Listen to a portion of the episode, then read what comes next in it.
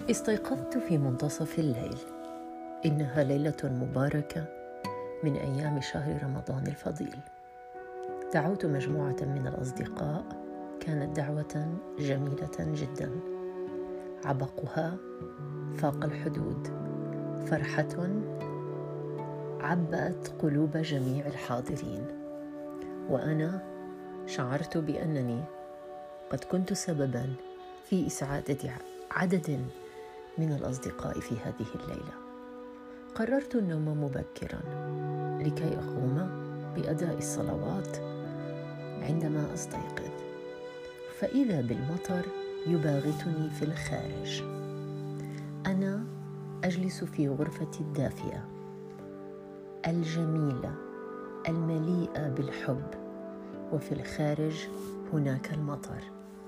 أستمع إليه بكل رومانسية كبيرة.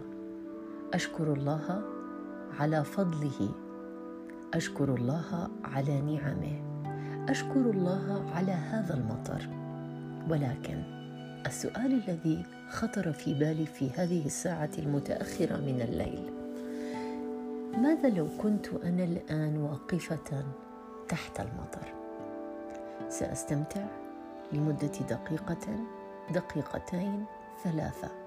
سأفرح بهذا النعيم. ولكن بعد ذلك سينقلب السحر على الساحر.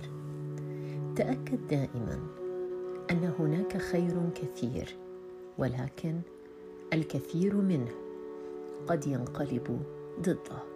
مساء الخير.